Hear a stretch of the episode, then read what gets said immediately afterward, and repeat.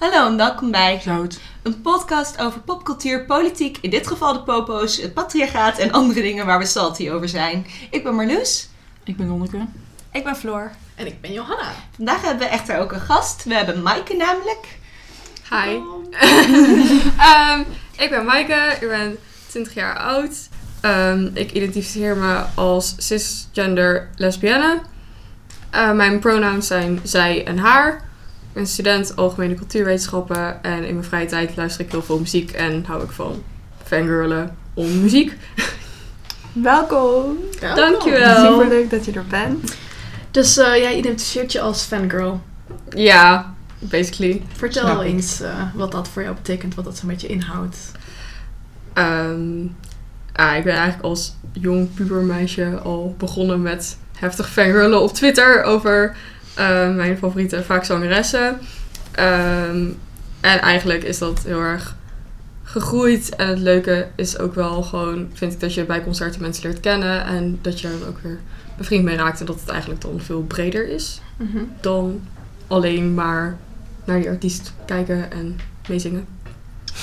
Hoe, eh, wat is het verschil tussen een fangirl en een fan? Eh, ik, ik hoop dat ik ondertussen iets meer fan ben dan fangirl. Fangirl heeft toch wel een beetje dat hysterische karakter misschien over zich heen. Ah, maar kijk, daar moet ik toch echt even inhalen. Want de term hysterisch, best wel ableist. En ook best wel seksistisch, over het algemeen. Maar ik, ik denk daarom ook dat het eh, interessant is om, om ehm, zeg maar, omdat fangirl, fan, fangirl kan ook een beetje een stigma zijn, hè? Ehm, het idee van schreeuwende tienermeisjes bij eh, Justin Bieber. Ja, Maar ik denk dat het juist ook wel krachtig is om het label fangirl te omarmen als ah, iets wat niet oppervlakkig en vapid en leeg is.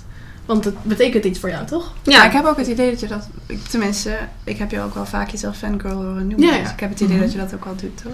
ja, meestal wel. Maar ik merk inderdaad als ik er dan nu over praat, dat ik dan inderdaad in termen als hysterisch wel verval. Dus Mhm. ja, goed punt. Dat zijn dingen die we hebben, hebben we allemaal Mm. ge- geïnternaliseerd. Dus het is goed om je daar bewust van te zijn. Ja. Want ik denk, wat er, wat er, zat- wat er zeg maar vast zit, is een soort van passie. Ehm, en ja, dat wordt dan hysterisch genoemd. Mm. Of omdat, ja... Dat is eigenlijk historisch altijd al zo geweest dat de passie van vrouwen wordt eh gedemonized, gedownplayed en, en wordt zeg maar gezien als oppervlakkig en hysterisch. Eh, ik bedoel, eh, Madame Bovary gaat over een vrouw die te passionate is over boeken en eh, daar al om gedemonized wordt. En, dus dat is een heel, heel, eh, heel oud gegeven, wat nog steeds heel erg prevalent is, denk ik. Mhm. Ehm, Ja, oké, maar we kunnen... Ik mag jij dus wel fangirl noemen. Ja, mag zeker. Ja, identificeert wel zo, oké. heb je het boek Fangirl van eh, Rainbow Rowell gelezen? Nee, ik heb er heel veel positieve verhalen over gehoord en toen vergat ik het weer en heb ik het niet gelezen. Is wel aan te raden. Dat gaat ook een beetje daarover. En eh, ja, het gaat ook specifiek over een meisje die dan eh, queer fanfiction schrijft. En eh, ja, ook een beetje het, het stigma, het, het imago van zeg maar social recluse die alleen maar in de slaapkamer woont en zo. wordt daar ook wel een beetje geaanpakt. Het is wel een goed boek. Het is ook wel heel leuk om te lezen. Leest heel snel weg. Dan gaan we nu door naar het volgende segment Smakeloos, waarin we over onze bizarre aanvaringen met het patriarchaat vertellen in de afgelopen tijd. Eh, beginnende bij een anekdote van Maaike. Eh, ja, ik was laatst op een borrel van mijn studievereniging en het thema van de borrel eh, was de zero's. Maar mijn idee werden in de zero's vrij veel korte topjes gedragen en lage broeken. Dus je ziet dan wat huid. Ehm, ik was keurig in het thema gekomen en ik was vrij vroeg, omdat ik ook in een organisatie zat. Ehm, en meteen werd al wel duidelijk van de barman dat hij dat wel ehm, interessant vond. Nou ja, de avond was op een gegeven moment redelijk ten einde. ehm, en er zijn nog niet zoveel mannen bij onze studievereniging. Maar de mannen die er waren, waren al naar huis. Ehm, dus er waren alleen nog maar vrouwen. En de barman greep dat moment aan om de muziek uit te zetten. En even te vertellen dat het laatste half uur begonnen was. Ehm, maar terwijl hij dat deed, besloot hij ook nog even, terwijl iedereen stil was, mij te vertellen dat ik er niet uitzag dat ik iets anders aan had moeten trekken. En dat ik de hele avond al lastig was. Terwijl ik naar mijn idee toch vooral alleen drinken had besteld en verder niet zoveel had gedaan. Ehm, en later bleek het ook te zijn dat hij dus afgeleid was door mij, heeft hij ook wel gezegd. Gross. Ehm, Oh maar excuses dat, dat hij snapte eigenlijk niet zo goed wat hij fout had gedaan. Ehm, dus dat. Op het moment dat je je gewoon een keer voor de verandering aan de dresscode houdt en dan nog steeds een afleiding bent. Ja. You can't win. Maar wat Nee. ik wel heel, want ik heb dit verhaal dus gehoord, want eh, ja, binnen de studievereniging is het al een beetje rondgegaan daarna. Eh, en wat ik wel heel tof vond om te horen is hoe alle vrouwelijke studiegenoten die er nog waren ter verdediging kwamen van jou en daar zeg maar. Ja, ik was inderdaad vooral enigszins gechoqueerd. En het Ja. eerste wat ik deed was gewoon mijn handen voor mijn buik leggen. Hmm. Ehm, en inderdaad, daarna is iemand gewoon eh, iemand echt tegen hem gezegd van, yo, ga je excuses aanbieden. En uiteindelijk is iedereen ook weggegaan daar. Hmm. Dus dat vond ik inderdaad wel heel supportive en tof. Ja. ja, het is inderdaad een heel erg smakeloos verhaal. Gross.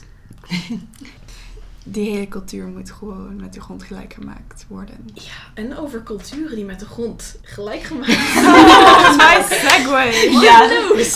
Nou kijk, we doen dit jaar een bestuursjaar. En nou ja, om te beginnen, de hele studentenbestuurscultuur is nogal vreemd. Berust op bijzondere tradities en conventies die grotendeels overbodig zijn.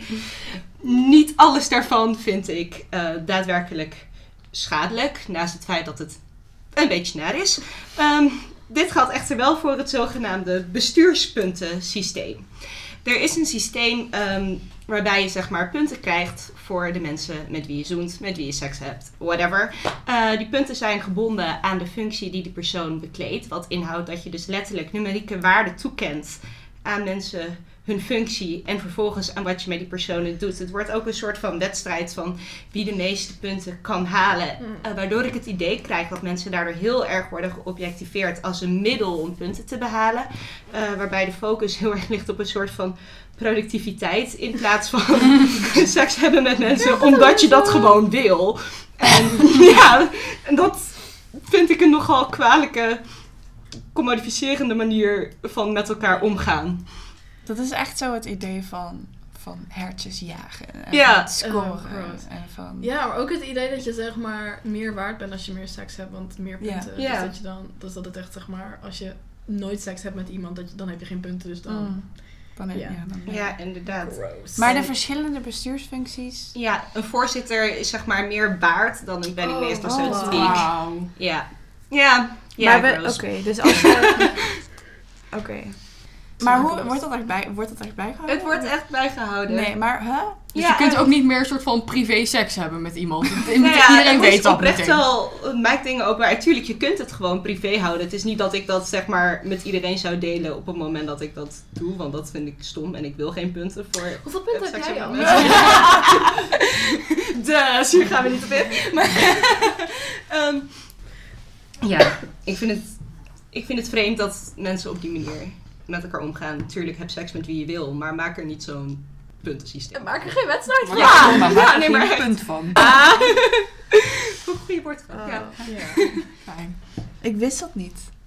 Dat ja, het- ik had het al eens eerder gehoord inderdaad. En was er toen al wel redelijk van... eh, Maar dat, dat zegt ook echt iets over wat er van je verwacht wordt als iemand in het bestuur, wat voor persoon je bent als Yep. je bij een bestuur Ja. wil Ja.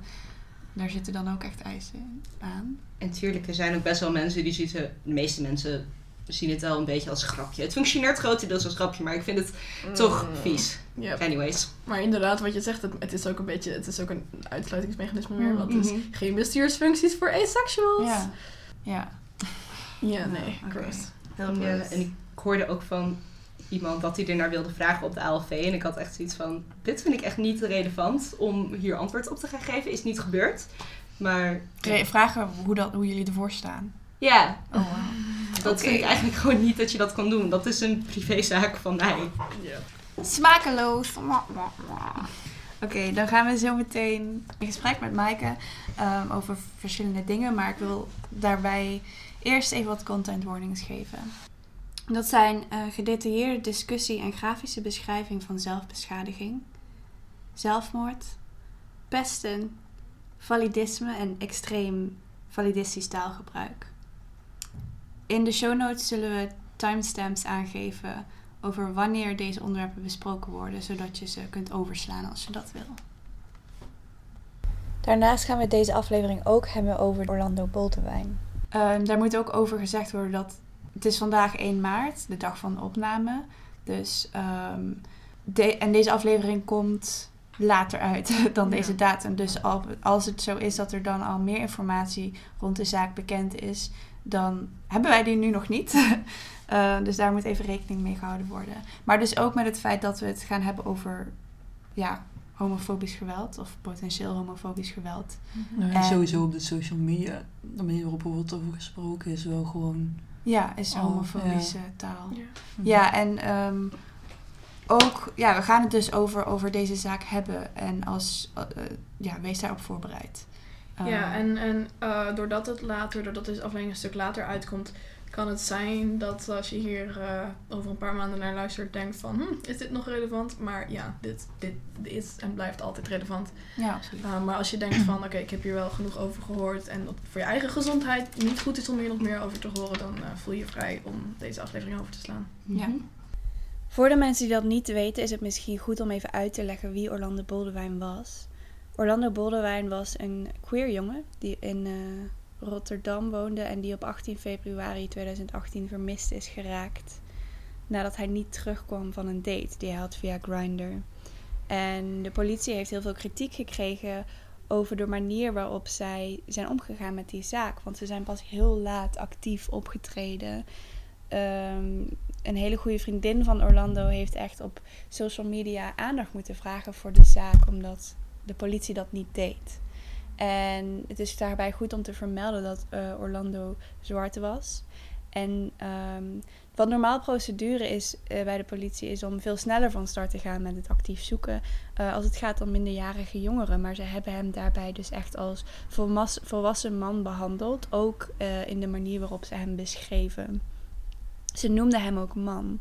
En ehm, waarom het dan belangrijk is om te vertellen dat hij zwart was, is omdat het vaker gebeurt bij zwarte jongeren. Die worden, vooral als het gaat om criminaliteit, als volwassener behandeld. Nou ja, de, de politie heeft dus te laat opgetreden daarbij. Eh, een week later hebben ze zijn lichaam gevonden. En inmiddels is daar een verdachte voor opgepakt geweest en ook weer vrijgelaten. Dus het is nog steeds een, heel, een zaak die open staat. Wat natuurlijk verschrikkelijk is voor, t- voor Orlando's nabestaanden. De reden waarom wij het in deze aflevering noemen, is omdat Orlando queer is. En om de, reden, en om de manier waarop door de politie, maar ook op social media is omgegaan met de informatie dat hij queer was. En dat hij verdwenen is nadat hij een date had via Grindr. En het is ook belangrijk om het te noemen in een podcast die gaat over intersectioneel feminisme, omdat de hele zaak en de manier waarop er is omgegaan door de politie en door social media een voorbeeld is van de verschillende intersecties die komen kijken bij ehm, onderdrukking.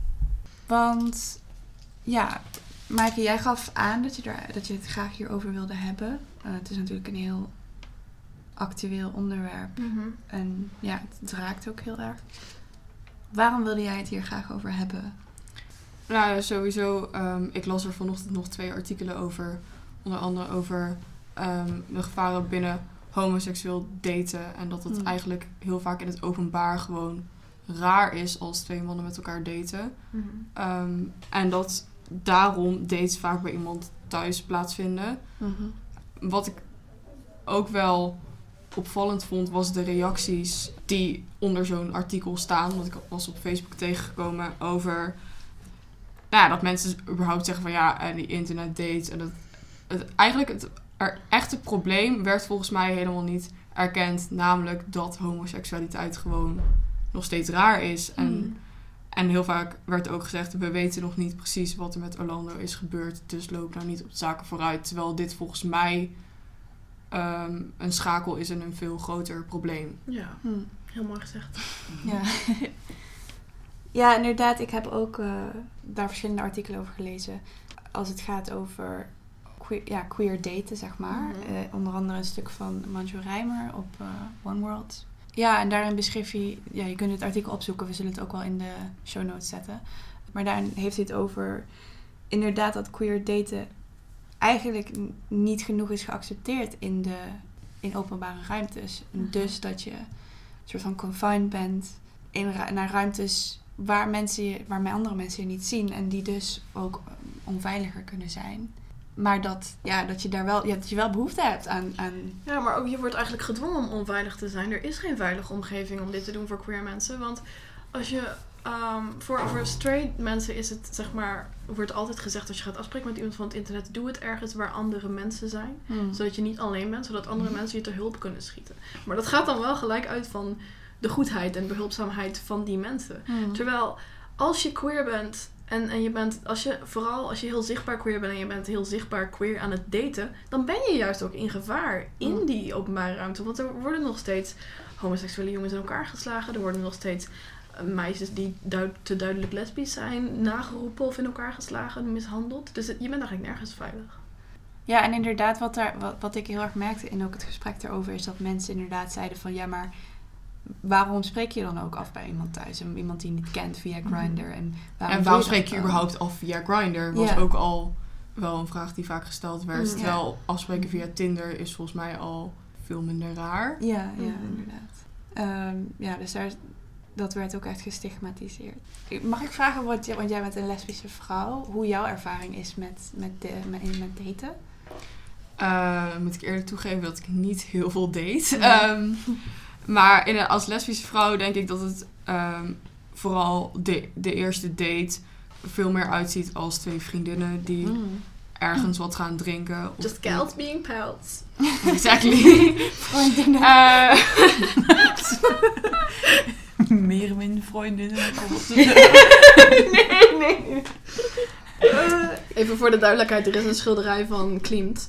ehm, dat, oh, met lesbische, serieus, er is een schilderij met lesbische zeemeerminnen. Ja. Mocht je dat niet weten, zoek het op. Je hebt het nodig in je leven. Hallo, een lesbische zeemeerminnen. True. Maar eh, we zagen het schilderij in een, eh, Ja. in een eh, museum in Wenen. En er stond, de titel was iets van zeemeerminnen of zo. Of, nee, water snakes of water serpents was het. Oh, maar ja, er stond dan onder te zaakjes vriendinnen. Ja.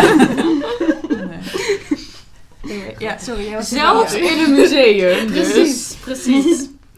Maar ik kan me wel herinneren dat ik wel eens heb gedacht van... Oh, dit, dit meisje is leuk. Ik zou haar nu misschien wel willen zoenen als een soort afscheid. Maar dat was in een openbare ruimte, volgens mij op het Mhm. station.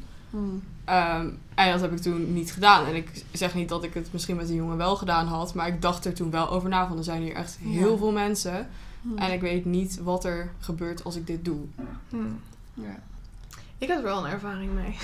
Ja, ik heb vertel. precies één keer gedate met een meisje. En eh, precies met één meisje gezoend. Uh, maar ja, één, één, één keer daarvan was ook eh, eh, vrij openbaar. En het was zeg maar, we waren op het Waalstrandje. Voor de mensen die dat niet kennen. Of eigenlijk het, het, ja, het eiland in de Waal. Er is zo'n eiland. En eh, dat eiland is vaak vrij rustig. Het was niet zo mooi weer. Dus dat was vrij rustig. Maar op de brug, waar je dan eh, ja, omhoog gaat. Daar staan, stonden een paar dude bros. En eh, ja, die waren wel dingen naar ons aan het roepen op dat moment. Mhm. Ehm, ja, zij trok zich daar niet zoveel van aan. Maar ik, me, ik weet wel, ik was natuurlijk heel blij. Want hey, ik was aan het zoenen met een meisje. Zoenen met meisjes aan te raden. Met Sowieso. consent, uiteraard. Maar het ging natuurlijk wel door me heen. Dat toen we de trap opliepen, dat ik wel dacht van ja, dit is een potentieel onveilige situatie. Je weet niet wat die mensen gaan doen. Het is goed afgelopen, maar ja. En dat is ook het ding, hè. Het hoeft niet altijd meteen eh, een, een, het hoeft niet altijd meteen een headline te worden. Het hoeft niet altijd meteen uit te lopen op mishandeling. Maar het is wel iets wat altijd in je hoofd zit op dat Mm. moment. Van oeh, dit. Je weet dat, ik weet dat als ik daar met een jongen had staan zoenen, dat ik sowieso veilig was geweest. Dan was die jongen zelf waarschijnlijk de grootste bedreiging. en op dit moment wist ik van ja, dit kan, eh, dit Ja. kan verkeerd aflopen. Ja, wat ik daar wel... eh, ik denk dat, het, dat er wel anders wordt gereageerd op, op twee meisjes en, Mm, en twee absoluut. mannen samen. Ja. Eh, ja, de dingen die ze naar ons riepen waren ook eigenlijk voornamelijk in de trant van oeh. Ja, ik denk Ja. dat vrouwen veel samen Ja. veel meer geseksualiseerd zijn. Ja. En dat de reactie naar twee mannen heel gewelddadig is. Ja. Veel Ja. sne- Ja. sneller Ik heb gewelddadig. idee dat zeg maar vrouwen die affectie naar elkaar tonen, dat is ook wel een soort van normaal of zo. Maar als mannen dat doen, breekt dat heel erg met het stigma dat wij rond masculiniteit hebben. Ja, en dan je bent sneller zichtbaar als Ja. homoseksuele man. Klopt, ja. Ja, en wat ik, waarbij ik hier ook aan moet denken is, en waar ik ook veel over heb gelezen eh, rond, rond eh Rolande Boldewijn is, er zijn ruimtes nodig waar, waar tieners, queer Mhm. tieners naartoe kunnen gaan en zichzelf kunnen zijn. En wat er nu, want heel vaak zijn die ruimtes nu eh, altijd verbonden aan alcohol. Ja. En een zeg maar night scene, nightclubs, gay bars. Nou, daar wil ik wel op inhaken. Het- Eh. ik weet dat in ieder geval in Nijmegen en in verschillende plekken in Nederland worden jong en oud meetings georganiseerd vanuit het COC. Ehm, dat is voor jongeren tot en met 18. En daar worden op, zondagmiddag activiteiten georganiseerd. Dat gaat echt van een spelletjesmiddag tot een dansworkshop, levensstratego, al dat soort dingen. Maar ook met begeleiding erbij. Eh, en het is echt een ontmoetingsplek. En het is ook een soort Facebook-achtige site van, maar dan helemaal afgeschermd. Niemand kan Hmm. zien dat je daarop zit. Waardoor je dus in contact kunt komen met andere jongeren. Ehm, dus dat, dat is wel een, een veilige omgeving, denk ik, die niet meteen geassocieerd is met alcohol. En Ja. Maar is dat, zijn dat evenementen? Of is, is er echt ook een vaste ruimte bij? Eh, Ja, dat is wel Ehm, belangrijk. ja. ja, nou, in Nijmegen is het dan het Roze Huis. Dat is Mm. zeg maar de plek van het COC. Maar dat is inderdaad wel een soort van... eh, op zo'n moment wordt dat gereserveerd. ja. Is dat in de Marcus Antonius... eh, dat, Dat is waar de buiten Ja, de binary dag ja, Ja. dat is volgens mij niet een plek waar je altijd ten alle tijde heen kan. Nee, nee, nee. Dan moet je wel echt inderdaad van tevoren een beetje... eh, Dus het is niet echt dat als jij iemand ontmoet op Grindr dat je zegt, hé, hey, zullen we daar afspreken? Nee, dat is inderdaad... Het is, Hm. het is een ontmoetingsplek, maar daarna moet je, moet je Mhm. het zelf doen, zeg maar. Ja.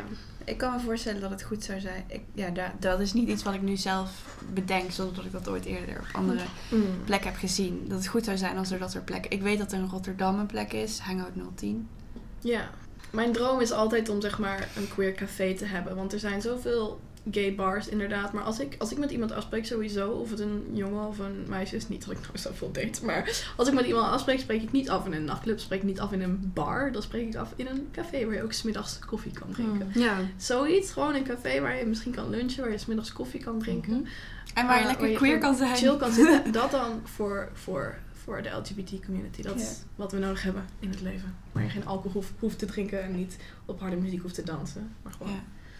Maar je, hebt het net, je had het net over COC en je, ik weet dat jij er actief bij bent. Kun je vertellen wat je daarbij... Eh, ja, ik zit in het voorlichtingsteam van eh, COC Regio Nijmegen. Mhm. En eh, wij gaan vooral naar middelbare scholen, maar ook wel eens naar basisscholen. En morgen ga ik toevallig naar de lerarenopleiding eh, van de hogeschool hier. Oh, nice. Ehm, om daar voorlichting te geven. Op middelbare scholen is dat inderdaad vooral gericht op... ehm, sowieso, de meeste leerlingen weten wel wat homoseksualiteit is. Maar als je het gaat hebben over dingen als intersexen of Mhm. nou, wa- wat minder bekende ehm, fenomenen, dan weten ze dat vaak niet. En ook inderdaad in, eh, heel erg in gesprek gaan met ze. Ehm, en bijvoorbeeld morgen op de leraaropleiding gaan we dan vooral bij ja, de, de docenten van de toekomst gewoon beginnen van hoe, hoe kun je jouw klas, jouw school eh, LGBT inclusiever maken eigenlijk. Hm. En veilig. denk ik. En veilig, ja. Ja, want dat is inderdaad ook wel... Dat is dan een issue, denk ik. En dat, ja, ik heb het idee dat ik nou veel dingen aan het reproduceren ben die ik heb gelezen. Maar tieners zijn veel bezig met daten, met seks. Ehm, niet alle tieners. Niet alle maar tieners, maar de cultuur, Ja. de cultuur is Ja. daar veel mee bezig. Ja. En het is natuurlijk ook een ding, als je daar zelf niet mee bezig bent, voel je ook dat stigma van, oh, ik moet er wel mee bezig Ja. zijn. ja. Ja, ja. Maar eh, over het algemeen, en als je, als je als queer daarmee bezig bent, is het veel moeilijker om daar denk ik over te Mm. kunnen praten. Dus ik denk inderdaad, het is wel, als je daar op middelbare scholen het gesprek over op gang brengt, en denk ik dat het inderdaad al wat meer veiligheid kan. eh. Zie, jij, zie jij zelf dingen die zou kunnen verbeteren in wat COC nu doet? Of heb je zoiets van, ik denk dat we goed bezig zijn? Ehm, ik denk zeker dat wij goed bezig zijn. Maar we hebben bijvoorbeeld afgelopen weekend een eh, trainingsmiddag gehad. En inderdaad ook over intersexen. Want ja, wij wist, we wisten allemaal wel ongeveer wat dat nou was. Maar ook niet, niet super goed. En nu hebben we inderdaad gewoon van, van iemand echt een keer gehoord van... Dit is het, dit zijn feiten over dingen die, die zijn gebeurd. En dan Mm. kun je er gewoon veel dieper op ingaan. En ik denk dat je jezelf altijd moet blijven... meer- moet blijven verdiepen in wat er nog beter kan. En het inderdaad steeds inclusiever maken. Want vijf jaar geleden dan schreven wij op... Nou, ik niet, maar het COC op het bord homoseksualiteit. En dan ging de voorlichting over homoseksualiteit. En dat er dan ook biseksuelen waren, dat werd er dan wel een keer ingezegd. Dus het wordt steeds eh, inclusiever. Ja. Dus dat vind ik wel heel goed. En eh, trans, transgender identiteit en non-binary identiteit, doen jullie daar ook iets mee? Eh, ja, transgender sowieso. Ehm, ik weet niet of jullie bekend zijn met het, ehm het genderbread, dat poppetje. Ja. Geen idee. Oh, het, het Nee. zijn zeg maar een soort van verschillende lijnen. Waarin je, eh, er zijn heel veel verschillende versies van, waarin je zeg maar laat zien dat je genderidentiteit losstaat van Ja. je expressie, van je seksualiteit en van ehm, je geboortegeslacht. Ehm, dus dat leggen we sowieso elke voorlichting uit. En dat die dingen los van elkaar dat die dingen los Ja. van elkaar staan. Meestal zetten we onszelf al als voorbeeld op die lei om het wat minder abstract te maken. Maar als er op dat moment geen eh, transgender voor de klas staat, dan leggen we uit van oké, stel even imaginair transpersoon, hoe zou dat dan kunnen zitten? Hm. Ehm, Non-binary moet meer meegedaan worden, geef ik toe. Dat schiet er soms wel heel erg bij in. Ja. Ja, en daarom is het denk ik ook zo belangrijk om in zo'n binnen het COC ook inclusief te zijn en Ja. mensen diverse. Ja, Ja. het is inderdaad ook heel belangrijk dat je vrij divers voor een klas staat. Daar Ja. wordt wel altijd op gelet. Als het kan. Ja, want ja, ik vind het sowieso. Ik denk, ik, ik, vind, ik vind dat er een gewoon een vak zou moeten zijn Ja. over, over zeg maar Ja. en ook over genderidentiteiten. En, Mhm. nou ja. Maar goed, dat. eh, Ja, het is tegenwoordig in ieder geval al verplicht om het ergens te mentionen. Maar Ja. dat kan ook zijn, homoseksualiteit bestaat. is een Ja, ding. punt. Het gaat langzaam. Mijn hele middelbare school, wat je aan voorlichting krijgt was... Word niet zwanger, krijg geen SOA. Ja, ook precies. Heb geen seks, want dan word je zwanger en krijg je een zoon. Maar also heb wel seks, want anders klopt je relatie niet. Ja, En also seks betekent penis in vagina, that's it. Ja. Dat is alles wat seks is. Dit zijn alle voorbehoedsmiddelen. Dit zijn alle SOA's. Dit zijn alle akelige symptomen. en complicaties die ze kunnen opleveren. echt een super erg schrikbeeld eigenlijk dat je meekrijgt. Ja. Ja. Ja. En eh, wat uh, aseksualiteit bijvoorbeeld, doen jullie daar nog iets mee? ja, dat is ook dat het inderdaad gementioned wordt Hm. als, ja...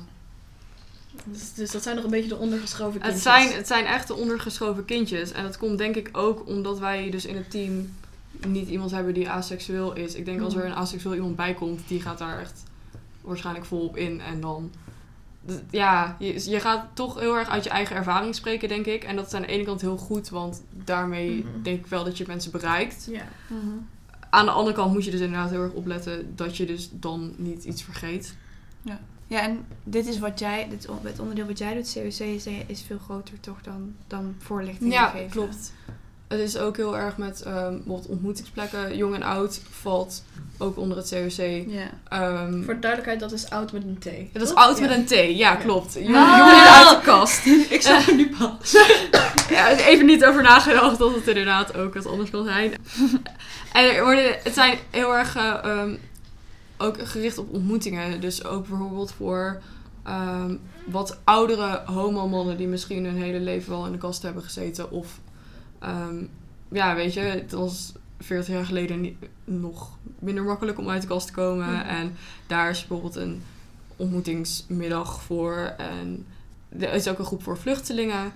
Ehm, Oh, cool. dus- Interessant. ja, er wordt heel veel georganiseerd.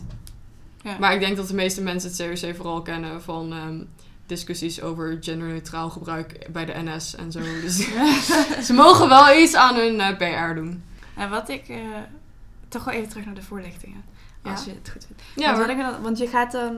Jullie gaan naar verschillende scholen toe. Ja. Dus dan... Zij, zij nodigen jullie uit? Of benaderen jullie scholen? Ehm, ja, meestal, we zijn gewoon bij een aantal scholen wel vast in het lesprogramma, zeg maar. Dus dan word je Mhm. gewoon elk jaar opnieuw uitgenodigd. Mhm. Ehm, wij kunnen ook scholen benaderen. Eh, er, er is sowieso een coördinator die, dat, die het contact met scholen onderhoudt. ja. Ehm, er zijn gelukkig ook een aantal docenten in ons team die ervoor zorgen dat hun school bijvoorbeeld bij Ja. COC voorlichtingen ehm, aanvraagt. Mhm.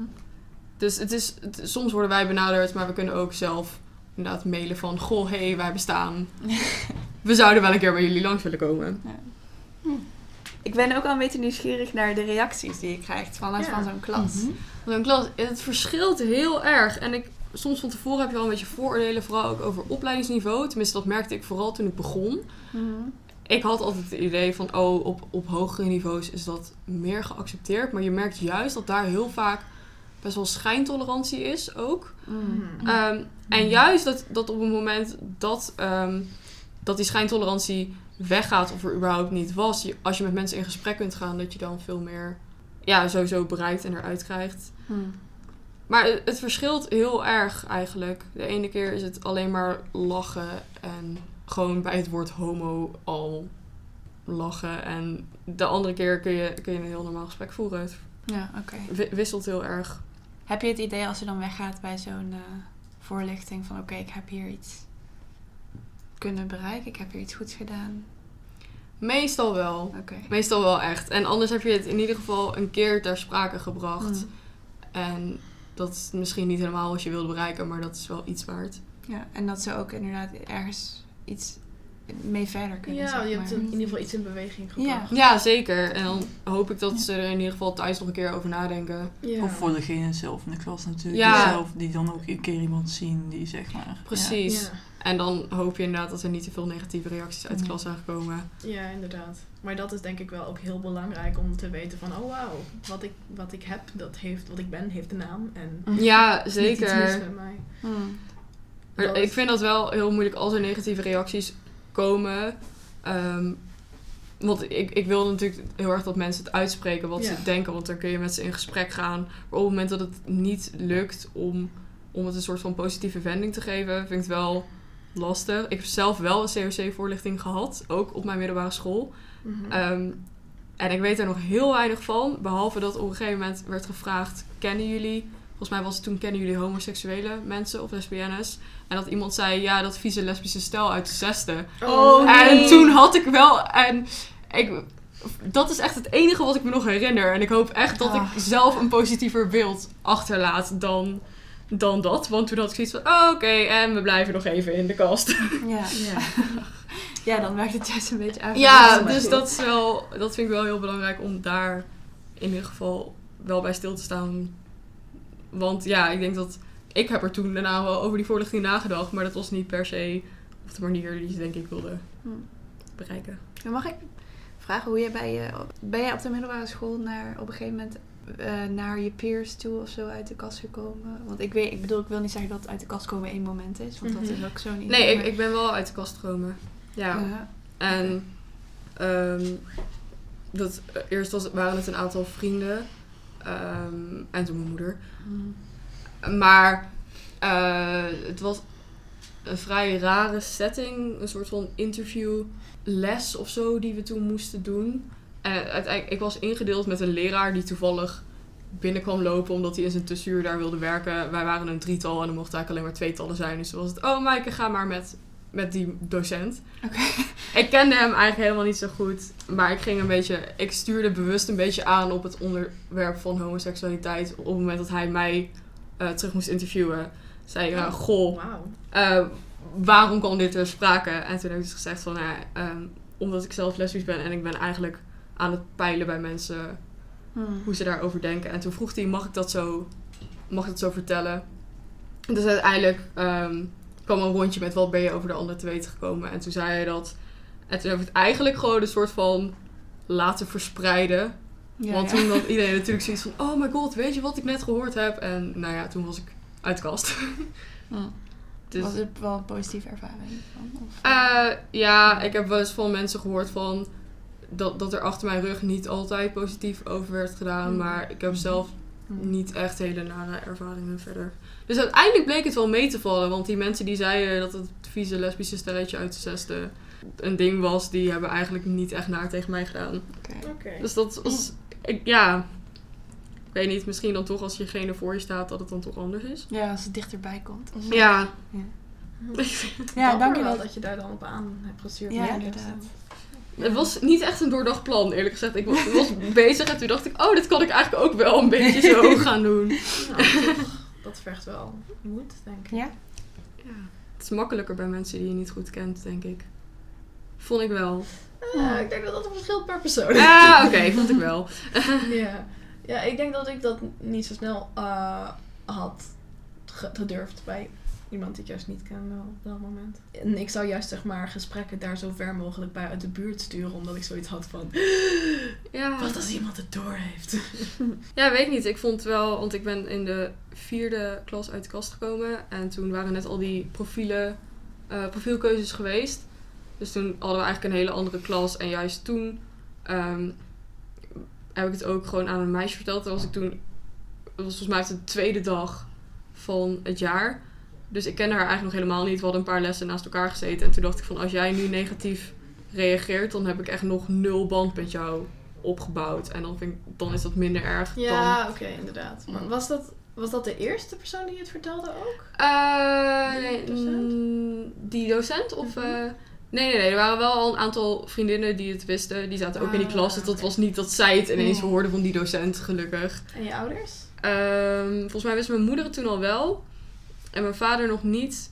En toen heeft mijn moeder ook op een gegeven moment gezegd van... Goh, nu je halve school het weet... Zou je het niet een keer aan papa vertellen?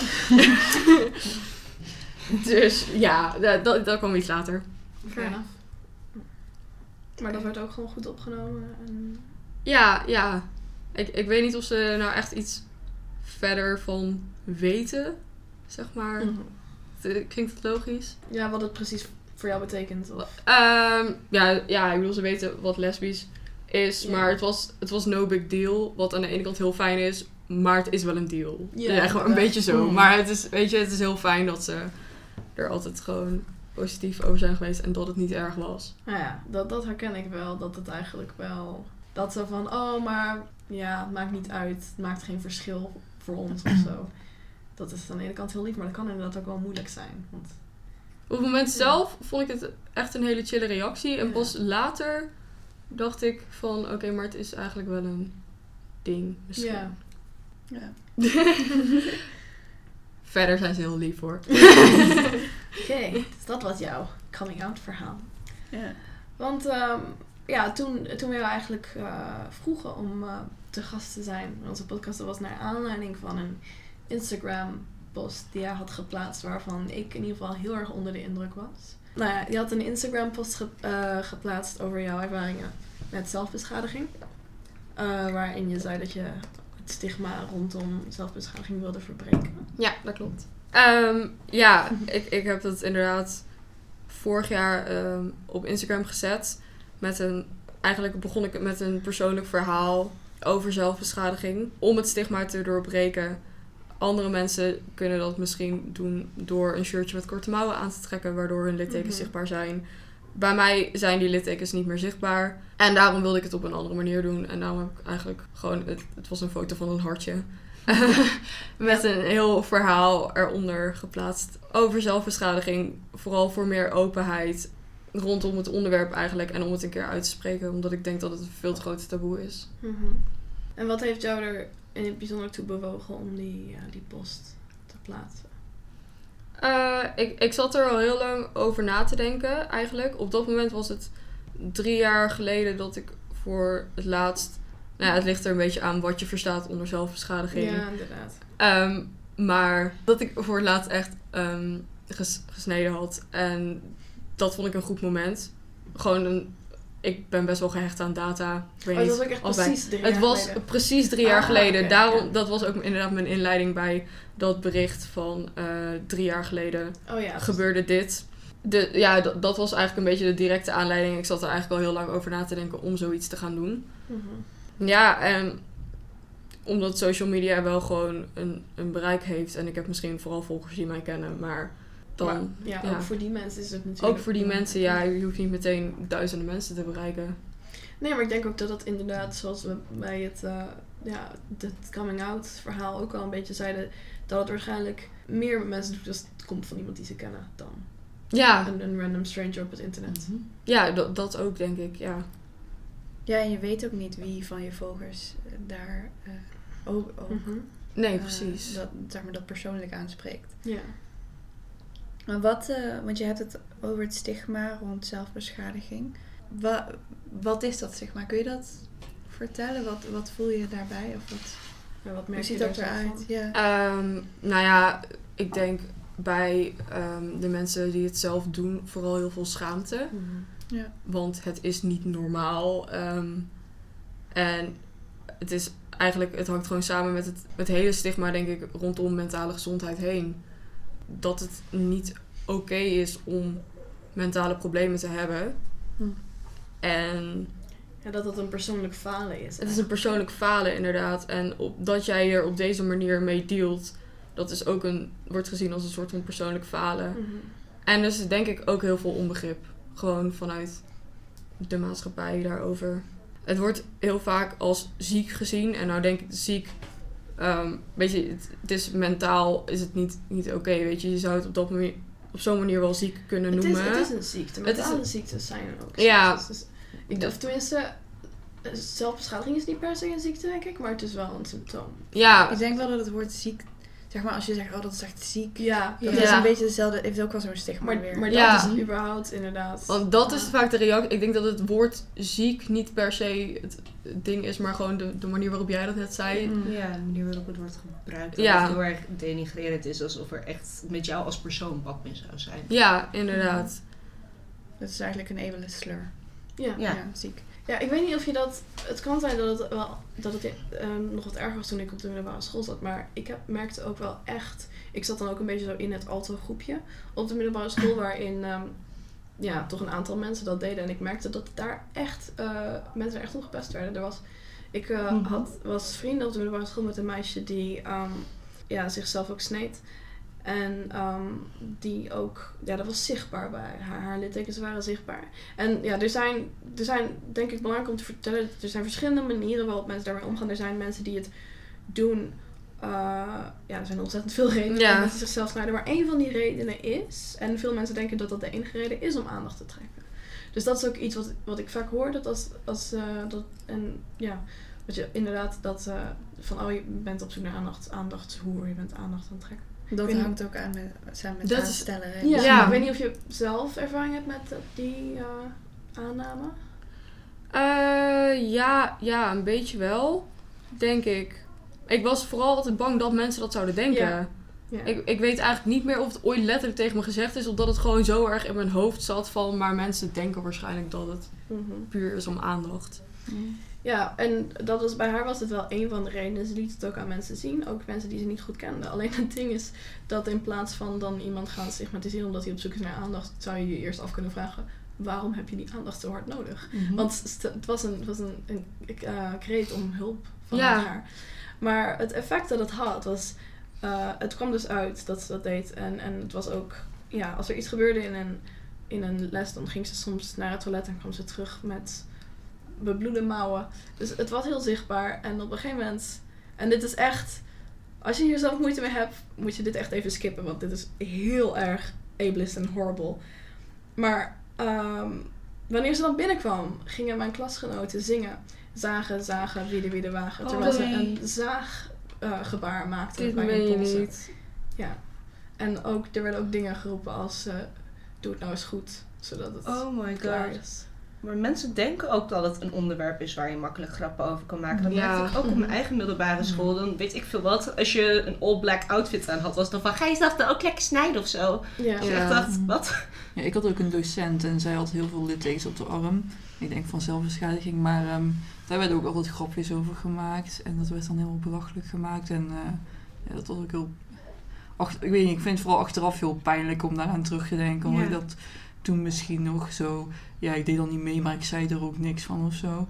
Niet dat ik nou zeg maar de sociale positie had om iets te bereiken. Maar ja, nog steeds.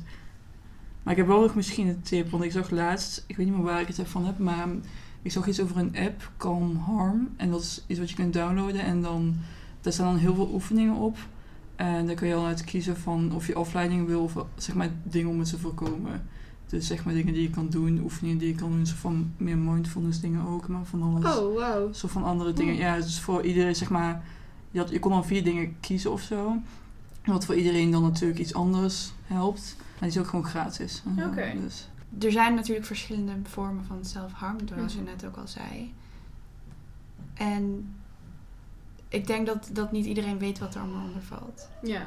Ehm, Ja, het is eigenlijk uh, ja, iedere handeling waarmee je jezelf opzettelijk pijn doet. Um, dus veel mensen denken gelijk aan snijden. En dat is ook denk ik hetgene wat het meest stigma heeft van je bent aandacht aan het trekken. Want dan, weet je wel, kunnen mensen je littekens zien of je, Ja. je sneden zien. Maar ja, er zijn ook mensen die hun hoofd tegen de muur slaan. Er zijn mensen die zichzelf verbranden. Eh, er zijn mensen die eh, zichzelf bijten, krabben. En er zijn dus ook heel veel vormen van zelfharm die je niet kan zien. Dus eh, Of maar gewoon een paar dagen en dan is het weg. ja, precies. Zoals blauwe plekken. Of, Bla- Ja, ja, dus dat is ook belangrijk om je bewust van te zijn dat je het niet kan zien bij iedereen. Eh, zelfs als diegene een t-shirtje met korte mouwen aan heeft en een korte broek. Ik eh, kwam een tijdje geleden op Twitter een draadje tegen met dingen die je zou kunnen doen ehm, om maar niet bezig te zijn met zelfbeschadiging. Ehm, wat ik op zich een heel goed idee vond.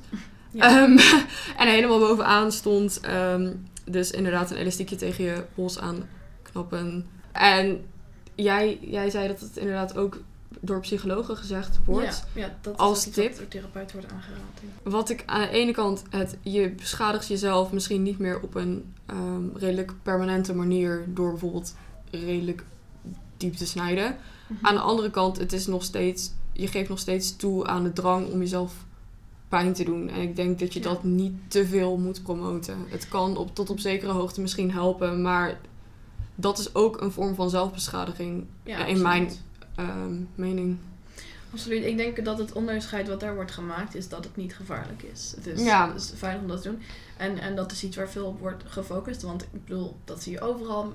Physical health wordt altijd, fysieke gezondheid wordt altijd prioritized over mentale gezondheid. En, Ja. en als je jezelf snijdt, dan heb je het risico nou ja, dat je te diep snijdt. Of je, de, je hebt het risico op infecties. Ja. Als je jezelf brandt. Uh, dat zijn allemaal dingen die, zeg maar... Ja. ja, en dat, En ja, met Ah. een elastiekje tegen je pols. Als je het zo bekijkt, is het, het is een soort van betere optie. Dat klinkt echt van heel ja, slecht. Het is eerder- tijdelijk. Het is een tussenstadium. ja, het is een tussenstadium. En het, ik denk dat het ook een goed tussenstadium is om zeg maar doorheen te gaan. Ja. Maar om het nou zeg maar te gaan promoten als alternatief, Nee, dat vind is- ik vrij krom. Ja, dat is lastig inderdaad. Ik denk dat je het misschien moet zien als wanneer iemand gaat stoppen met roken. Want, want zelfbeschadiging kan echt een verslaving zijn. Ja. Dat hij dan eerst nicotinepleisters gebruikt die nog Ja. steeds super slecht voor je zijn. Maar dan, ja, het lijkt niet minder slecht dan eh roken. Ik moet ook denken aan, de, aan wat jij net zei, eh, Marloes, over dat je als je zwarte kleren aandoet, dat wat mensen dan zeggen van, oh, ga je snijden of zo. Inderdaad dat het heel erg samen, dat sommige mensen echt denken dat het samenhangt met een bepaalde identiteit. Ja. Ja, Ja, inderdaad. of- Ja, of dat je aan iemand kan zien, dat iemand het doet, Ja. zeg maar. echt een super sterk stereotype omheen gecreëerd. En er wordt ja, dus ook gewoon grappen over gemaakt. Ja, ik kreeg, ik kreeg dat soort opmerkingen ook heel veel op de middelbare school. Inderdaad, ga toch emo gedichten schrijven in je kamer en jezelf snijden. Hm. Uh, gewoon omdat zij mij zo... Ik bedoel, ik was ook depressief, spoiler alert. maar ze zagen me wel zo als, weet je wel, zo de emo gothic. En dat was ook eh, in de emo... Daarom was het misschien wat... Die, die grappen misschien... In de tijd dat ik op de middelbare school zat nog wel iets meer eh, bekend. Omdat het echt ja, bij, bij de emo-stijl hoorde een beetje of zo. En eh, ja, ik ken ook wel mensen die het zijn gaan doen uit peer pressure. Hm. Wat natuurlijk niet wil zeggen dat dat niet op zichzelf al een legit probleem is wat Mhm. aandacht verdient. Mhm, ik, ja, ehm, toen ik dan op de middelbare school zat, was ehm, Instagram al best wel heel erg een ding en Twitter. En ehm, ik durf best toe te geven. Ik zeg niet dat het peer pressure was, maar op het moment dat ik nog niet zo actief op Instagram en Twitter zat, was ik ook nog niet met zelfbeschadiging bezig. En ik denk dat wel als je het heel veel ehm, niet per se om je heen ziet, maar dat er heel erg openlijk over gepraat wordt, over dat het eigenlijk een soort van oplossing is voor je problemen. En er ook foto's gestuurd worden van net aangebrachte littekens, dat dat zeker wel bij kan dragen aan. eh, Ja, ik denk dat er op de middelbare school gewoon veel... En ook, ja, dat kan dus ook online vriendengroepen zijn die dat soort dingen in stand houden. ja, Hm. Ehm, denk, ja, ik denk wel dat je daar voorzichtig mee moet zijn. Want het is denk ik ontzettend belangrijk dat er over gepraat wordt. Maar het is dan inderdaad... ja, dat is eh, het moeilijke. Je moet een goede balans vinden om erover te praten. zo- zo- dat je het zeg maar niet stigmatiseert, maar ook niet romantiseert of aanmoedigt. Ja, Want- en dat is een, een hele moeilijke balans. Ja. ja, ik weet dat er op een gegeven moment op Tumblr ook echt blogs waren die het heel erg romantiseerden. Ja, en dat, inderdaad, daar zijn ook een beetje soortgelijke Instagram-accounts Ja. van. En, ja. Ja, ik moet ook echt denken aan in- inderdaad een soort van het emo-groepje bij ons Mhm. op school. En bij, op mijn school, middelbare school was er dan ook een emo-kantine. En dat twee een emo kant- kantine. Ja, Ja. Een emo, een emo kan- we hadden zeg maar, we hadden twee kantines. En één kantine was de populaire kantine, wat je altijd stampvol zat. En er was één kantine die niet zo vol zat. En daar zaten alle, alle buitenbeentjes, zeg maar. Mhm. Ja, ik hadden ook inderdaad altijd zo een standaard groepje. En mensen liepen dan met een boog om dat groepje heen. En eh, dat is ook, denk ik, iets waar je een, eh, ja, je op glad ijs bevindt. Want inderdaad, het was ontzettend ongezond. Iedereen, eh, iedereen had flawed coping mechanisms en iedereen nam elkaar mee ook in, in, in ongezonde coping mechanisms. Maar wat ook belangrijk is om te zeggen, is dat dit ook mensen waren die echt heel erg gemarginaliseerd waren. Mm. Die, je gaat niet voor niks bij zo'n groepje zitten. Dat zijn mensen die door de rest van de wereld worden uitgekotst en alleen nog maar elkaar hebben. Dus het waren grotendeels mensen die eh, problemen hadden met hun ouders. Mhm. Mensen ehm, met mental illness, heel veel. En ook heel, veel, een heel groot deel van dat groepje was queer. Ja. eh, dus ja, Maar inderdaad, dat is waar ik, waar ik hiermee ook heen wilde. Meer zo, eh, dat daar... Er was inderdaad geen ruimte voor die mensen. En Nee. dus ja, dan zoek je elkaar op. En, dan, en dat... Dan komen we eigenlijk een beetje full circle als we het hebben over ruimte creëren voor dingen, ja, dingen bespreekbaar Mhm. maken op middelbare scholen en onder tieners. En, Ja, en het probleem is met mental, met mental illness als je. eh, want daar, dat is ook, daar zit ook zo'n, op de middelbare school vooral zo'n ook stigma omheen. Depressief zijn, angst, te hebben. Daar kan je niet met leeftijdsgenoten over praten op dat moment, omdat toch zoveel mensen daar oordelen over hebben. En dan ben je dus eigenlijk, eh, en ook op, dat is ook een heel groot ding. Op die leeftijd kan je niet in therapie zonder dat je ouders daarbij betrokken worden. En voor heel veel Mhm. mensen waren de ouders, hun ouders waren het probleem of een deel Ja. van het probleem. Ja. Dus dan was therapie geen optie. Dan ben je aangewezen op, op elkaar. En dus wat er dan gebeurt, is dat een groepje ehm, mentally ill mensen met allemaal hun eigen problemen en hun eigen eh, ongezonde copingmechanismes elkaar, elkaars therapeut gaan spelen. Mhm. En dan krijg je inderdaad hele ongezonde en gevaarlijke situaties. En ik denk dat het, ja, het belangrijkste daarin is, is om te zorgen dat, dat die mensen weten dat ze een plek hebben. Mhm. ehm, bij mensen die niet zelf ook aan een draadje hangen. Dus bij, bij een mentor, bij een, een, een vertrouwenspersoon, bij een begeleider. Ja. En dat, dat, was, dat waren dingen die waren er op ze, tot zekere mate bij mij op school. Maar niet toegankelijk genoeg, niet duidelijk Mhm. genoeg. Er was niet genoeg over bekend. En ja, Shout-out naar mijn mentor. Als je dit ooit hoort, je was echt geweldig. Ja, ik wil, ik wil misschien even aan jou vragen hoe dat was eh, met inderdaad met, op jouw school. En hoe, eh, of je ook inderdaad vrienden had die op, Ja, op ik die had- manier daar... Eh, inderdaad, vrienden eh, waar dat wel bij speelde. Niet alleen via internet. Mhm. Ehm, en ik moet zeggen dat ik daar eigenlijk bij mijn schoolvrienden ook pas achter kwam op het moment dat ik er een beetje over begon te praten eigenlijk. Dus het was, het was wel een, denk ik, ook daar een stigma. Want wij waren denk ik best wel close met elkaar, maar toch wist je het niet Mhm. van elkaar. En ik heb het uiteindelijk aan mijn mentor verteld.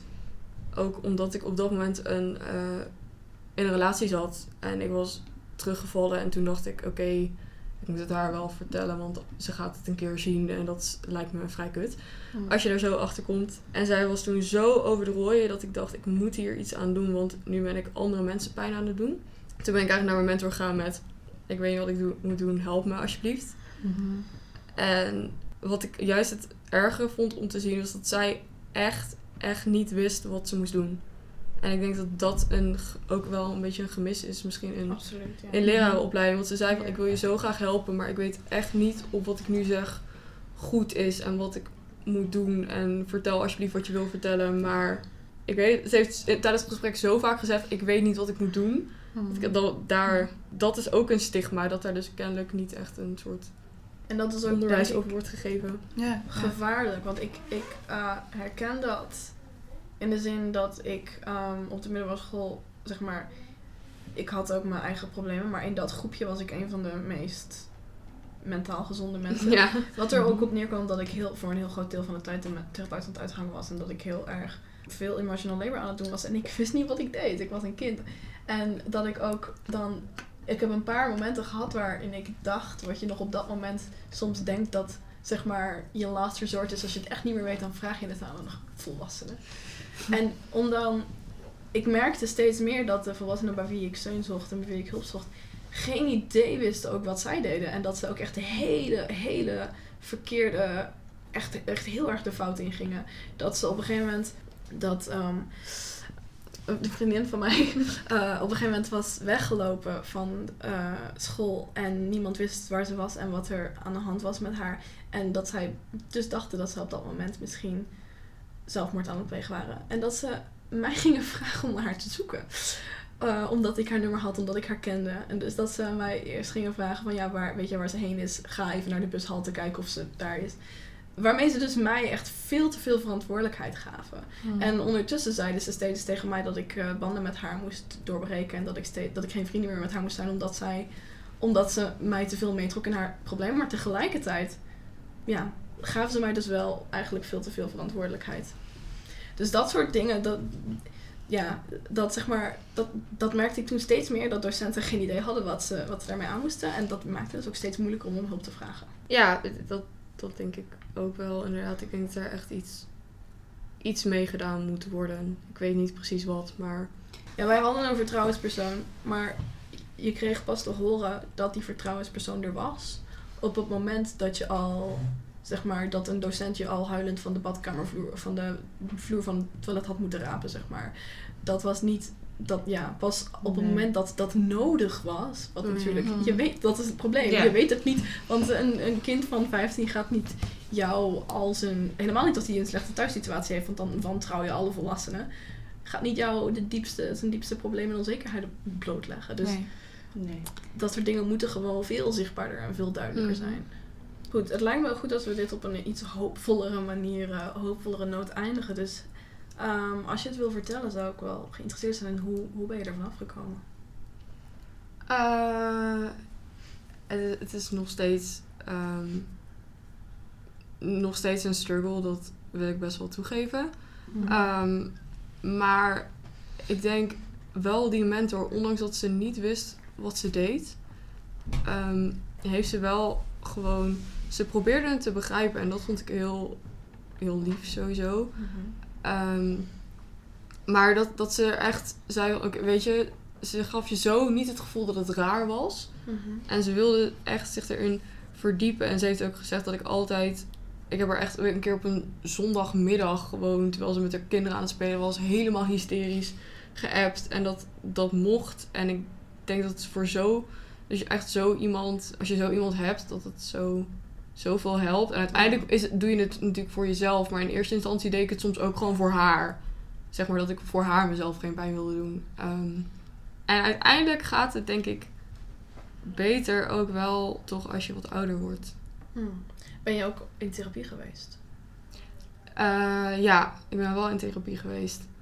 Dat was niet per se daarvoor, maar dat heeft wel heel veel inzichten ook over mezelf gegeven. Over waarom ik dat misschien wel deed. En dat Mhm. heeft wel heel erg geholpen. Want ik denk wel, zo'n docent is natuurlijk fantastisch, maar dat is wel iets wat niet iedereen heeft. Nee, nee, ik had daar echt geluk Oh. mee. Ja, wat, wat ik zelf zou zeggen voor mensen die hier naar luisteren en zich hierin herkennen, alsjeblieft zoek hulp. Ja, Ehm, als dat niet bij je ouders kan, ja, stap naar een docent toe.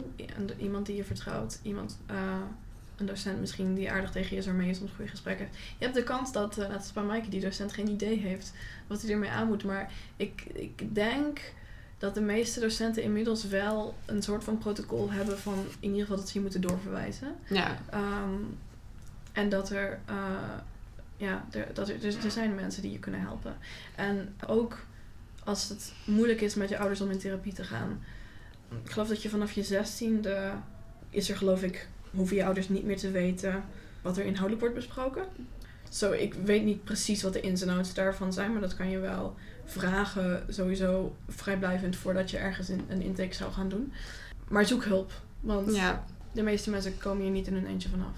En er zijn, vooral in Nederland zijn we heel, toch nog wel een beetje gezegend dat er, eh, dat er dingen zijn die verzekerd worden, dat therapie verzekerd wordt. En te- ook op therapie ligt een ontzettend erg stigma. En ik weet dat heel veel mensen voordat ze therapie gaan zoeken denken, mijn problemen zijn niet erg genoeg. Zijn ze wel. Zijn ze wel. dus eh, zoek hulp alsjeblieft. Voor jezelf Vooral. En ook voor de mensen van je houden, die van je houden. Ja, zeker. Ja, ben, ben ik mee eens. Ik weet niet zo goed wat ik hier aan moet toevoegen, maar... Oké. Ja, het lijkt me een mooi punt om over te stappen op onze favorites. Ja. Ehm, iets luchtiger onderwerp. Ja. Ehm, ja, zoals iedere week sluiten we de aflevering af met ehm, het, eh, ja, het highlighten van een paar dingen waar we blij van worden. Dingen die eh, ons een beetje, dat beetje extra moed en kracht geven om, eh, om ons weer tegen, de patriarch, tegen het patriarchaat en kapitalisme en alle slechte, nare dingen in deze wereld te verzetten. Maaike, vertel. Nou ja, om nog heel eventjes eh, aan te haken op het onderwerp van net. Ehm, ik word heel gelukkig van het Instagram-account eh, Strong Like a Fighter. Komt vast ook in de, Show notes. in de show Yes. notes. Ehm, Kenza, ehm, dat meisje dat het account eh, heeft, die probeert ook heel erg het stigma rondom eh, zelfschadiging, mentale gezondheid en zo te doorbreken. En dat, ik vind dat ze dat op een hele goede manier doet. Ehm, ga haar volgen. Ja. Eh, De, oh, en ja, ik had inderdaad nog één. ehm, weer van het onderwerp afwijkend. Eh, ik heb vorige week de nieuwe roman van Nina Polak uitgelezen. Gebrek is een groot woord. Ik vond het eerste boek van Nina Polak ook heel goed. Als je haar niet kent, ga er opzoeken. Ze is redelijk fantastisch. En ik vind dit boek...